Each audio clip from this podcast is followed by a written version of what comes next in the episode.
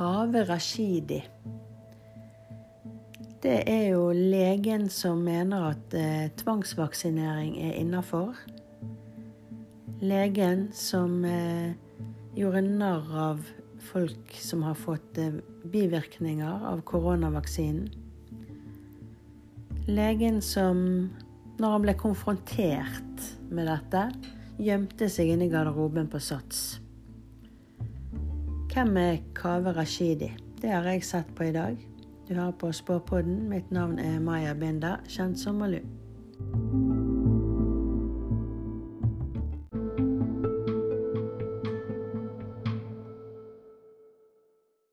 med filmer og videoer på nettet av folk som har fått covid-vaksine, og så har de skikkelige krampeanfall. Og så er det sånn Se, her er beviset. Så sånn, det der er ikke et bevis. Det der er en fyr som har filma noen som kanskje har en krampe, kanskje faker. Det var Kaveh Rashidi i et intervju med NRK som jeg fant på YouTube. Eh, jeg har jo gått litt inn på han for å se. Han er jo kreps. Ja, jeg vil jo først minne om at dette er sett med klarsyn, og sånn som jeg pleier å si. At uh, vi tar det for det det er. Men dette er sånn som jeg uh, ser han, da. Som sagt så er han kreps. Eh, og ja, så jeg får han opp som en komplisert person. På den ene siden forsøker han å være godt likt og flink Eh, og det, altså det, han, må, han, må, være flink med det han driver med. Han er jo lege, som sagt. Det er veldig viktig for han å fremstå som flink. Det er litt sånn 'se så flink jeg er'. Litt sånn besteborgerlig eh, holdning. Eh, og altså Én ting er at han sjøl fremstår sånn, men han blir jo da litt sånn at han ser ned på folk som ikke gjør samme valget som han sjøl, da. Så, men dette har jo med fasade å gjøre. På den andre siden eh, så er han sånn at ting må skje. Altså Nesten litt sånn utålmodig. Eh, og det er nok derfor han òg hele tiden oppsøker media for oppmerksomhet. For han må liksom ha den spenningen. Det ser ut som han greier seg eh, greit økonomisk, og det er veldig viktig for han.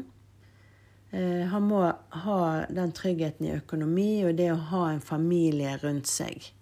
Som sagt, det har veldig mye med fasade å gjøre. Eh, og forventninger. Altså det er liksom Det er sånn livet er. Det er dette livet dreier seg om. Eh, det handler om familie. Men sånn innerst inne så er han ikke knyttet til det livet. Altså han er for urolig Eh, men han vil at, han skal, at, folk skal ha inntrykket av han, at han er en familiemann og en vellykket lege. Eh, men som sagt så Han er egentlig ikke sånn hvis han skulle fulgt hjertet. Til det er han jo altfor urolig. Altså Det er jo ikke som dette her med at det må skje ting, han må være ute, folk må se han, han må bli sett, han må være der det skjer. Han er, altså Oppmerksomhet, oppmerksomhet. Um, han skjuler ting, uh, så han er absolutt ikke en åpen bok. Det han skjuler privat, det har jeg ikke tatt med her. Det han skjuler i arbeidssammenheng, det kommer jeg tilbake til. Det som skjedde i uken, det var at Kaveh Rashidi var på Sats for å trene. Det var òg eh, Katrine Storløkken. Jeg kan si navnet hennes, for hun har gått ut med historien sjøl. Eh, Katrine hun gikk bort til Kave og konfronterte han. Eh, fordi at I fjor så laget Kaveh Rashidi en video der han latterliggjør vaksineofre. Så hun eh, sa at dette syns ikke hun var greit. Eh, og sa at hun syns at han har en nedlatende holdning eh, til folk som ikke har hans syn på Eh, på disse sakene her, da. Kave han eh, løp jo da og gjemte seg i garderoben. Eh, og gikk etterpå ut på Facebook for å få veldig sympati, da. fra ja, de som, han, som støtter han. Han måtte ha litt hjelp. Så da valgte jeg å gå inn på han i forhold til å se den situasjonen. Altså hva skjedde når han ble konfrontert i garderoben. Han ser ut som at eh, han føler at han ble avslørt i en løgn. Han så det her som problematisk og vanskelig. Eh, men samtidig så har han nok umiddelbart sett, sett det her som en mulighet. Media. Da får han skinne enda litt til i media. Eh, men nå etterpå så er han ganske urolig eh, og føler at det går på andres premisser. Eh, for det ble nok ikke tatt imot sånn som han trodde, for han skulle jo være offeret. Det ser ut som det er spesielt noe som en mann har sagt, som han føler rammer han hardt. Så det må være en kommentar eller ting han har lest etterpå, som han føler traff skikkelig hardt. Altså det, han fikk ikke hele den sympatien fra alle som det han trodde han skulle få. Så vil jeg jo se litt på sånn link mellom han og legemiddelfirma. Eh, for legene må jo samarbeide med disse selskapene.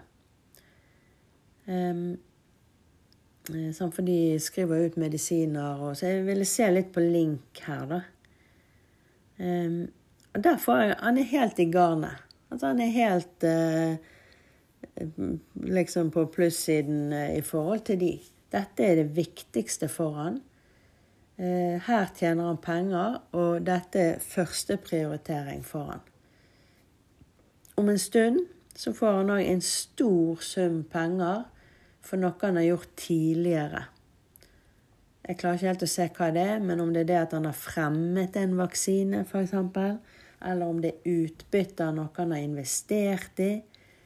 Eh, men det har med legemiddel å gjøre, og det er store penger her. Jeg får hele tiden rundt han at det er noe han skjuler. Eh, så jeg ville gå inn og se eh, Ja, altså hva kan det dreie seg om? Jeg får det som dokumenter, og det ser ut som det har med penger å gjøre. Og at det, det, er noe med at det går på andres premisser, så det kan tyde på at han er investert i noe som andre har startet. Eh, siden jeg får det skjult, og at han eh, ikke vil ha det frem. Så det kan jo være noe han har investert i som han ikke burde når han er lege. Så som sagt, jeg klarer ikke å se hva det er. Men det har med dokumenter å gjøre, og det har med penger å gjøre. Så måtte jeg jo se litt på han fremover, da, hva som skjer. Og ja, dette blir spennende. Kanskje litt for spennende for han, men greit for oss som følger med. Eh, han Kave er sinnssykt manipulerende. Eh, og han kommer til å være veldig frempå fremover med meninger. Eh, og det er om å gjøre å holde seg i media. Han jobber på for å være kjendis og påvirke folk sånn at han tjener penger. Innimellom føler han at det butter imot, og at han ikke får den oppmerksomheten som han mener han fortjener. Eh, og det er jo urettferdig. Men som vi vet, dette er et farlig spill, og det kommer han til å erfare. For når man stikker hodet frem, så står man òg til lag for hugg, og det kommer òg til å skje her. Det kan være det går over til nyåret, men tidlig er jo vanskelig å spå. Men eh, han ender opp i en situasjon der han har null kontroll. Det er mulig han blir konfrontert med noe. Vi vet jo hvor god han er på konfrontasjoner. Eh, men når denne hendelsen skjer, så får han helt panikk og blir deprimert og vet ikke hva han skal gjøre. Det ser ut som han er redd for jobben sin. Eh, det er mulig han tar en pause. Kanskje han blir sykemeldt. Eh, så det er nok en altså, ja, en hendelse. Kanskje han blir konfrontert med noe, kanskje det blir oppdaget noe han ikke skulle ha gjort. eller et eller annet sånt. Men han kommer i en krise eh, som ender med at han er nødt til å ta en pause. Um, sånn videre. Altså, han kommer nok videre til å tjene godt med penger. Um, men han kommer til å få noen problemer med det offentlige. Og det er noe med papirer og diskusjoner. Så Om det er det at han må gå gjennom en undersøkelse eller en etterforskning, eller at det er noe, noen som kommer inn og ser litt på hva han driver med, hvordan han driver, eller ja. Eh, det er et eller annet med det offentlige, i hvert fall.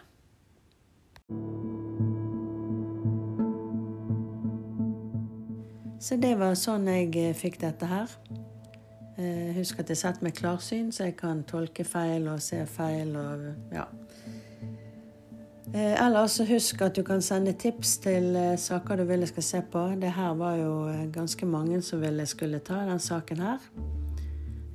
Og ja, alle tips kan du sende til post at malu.no.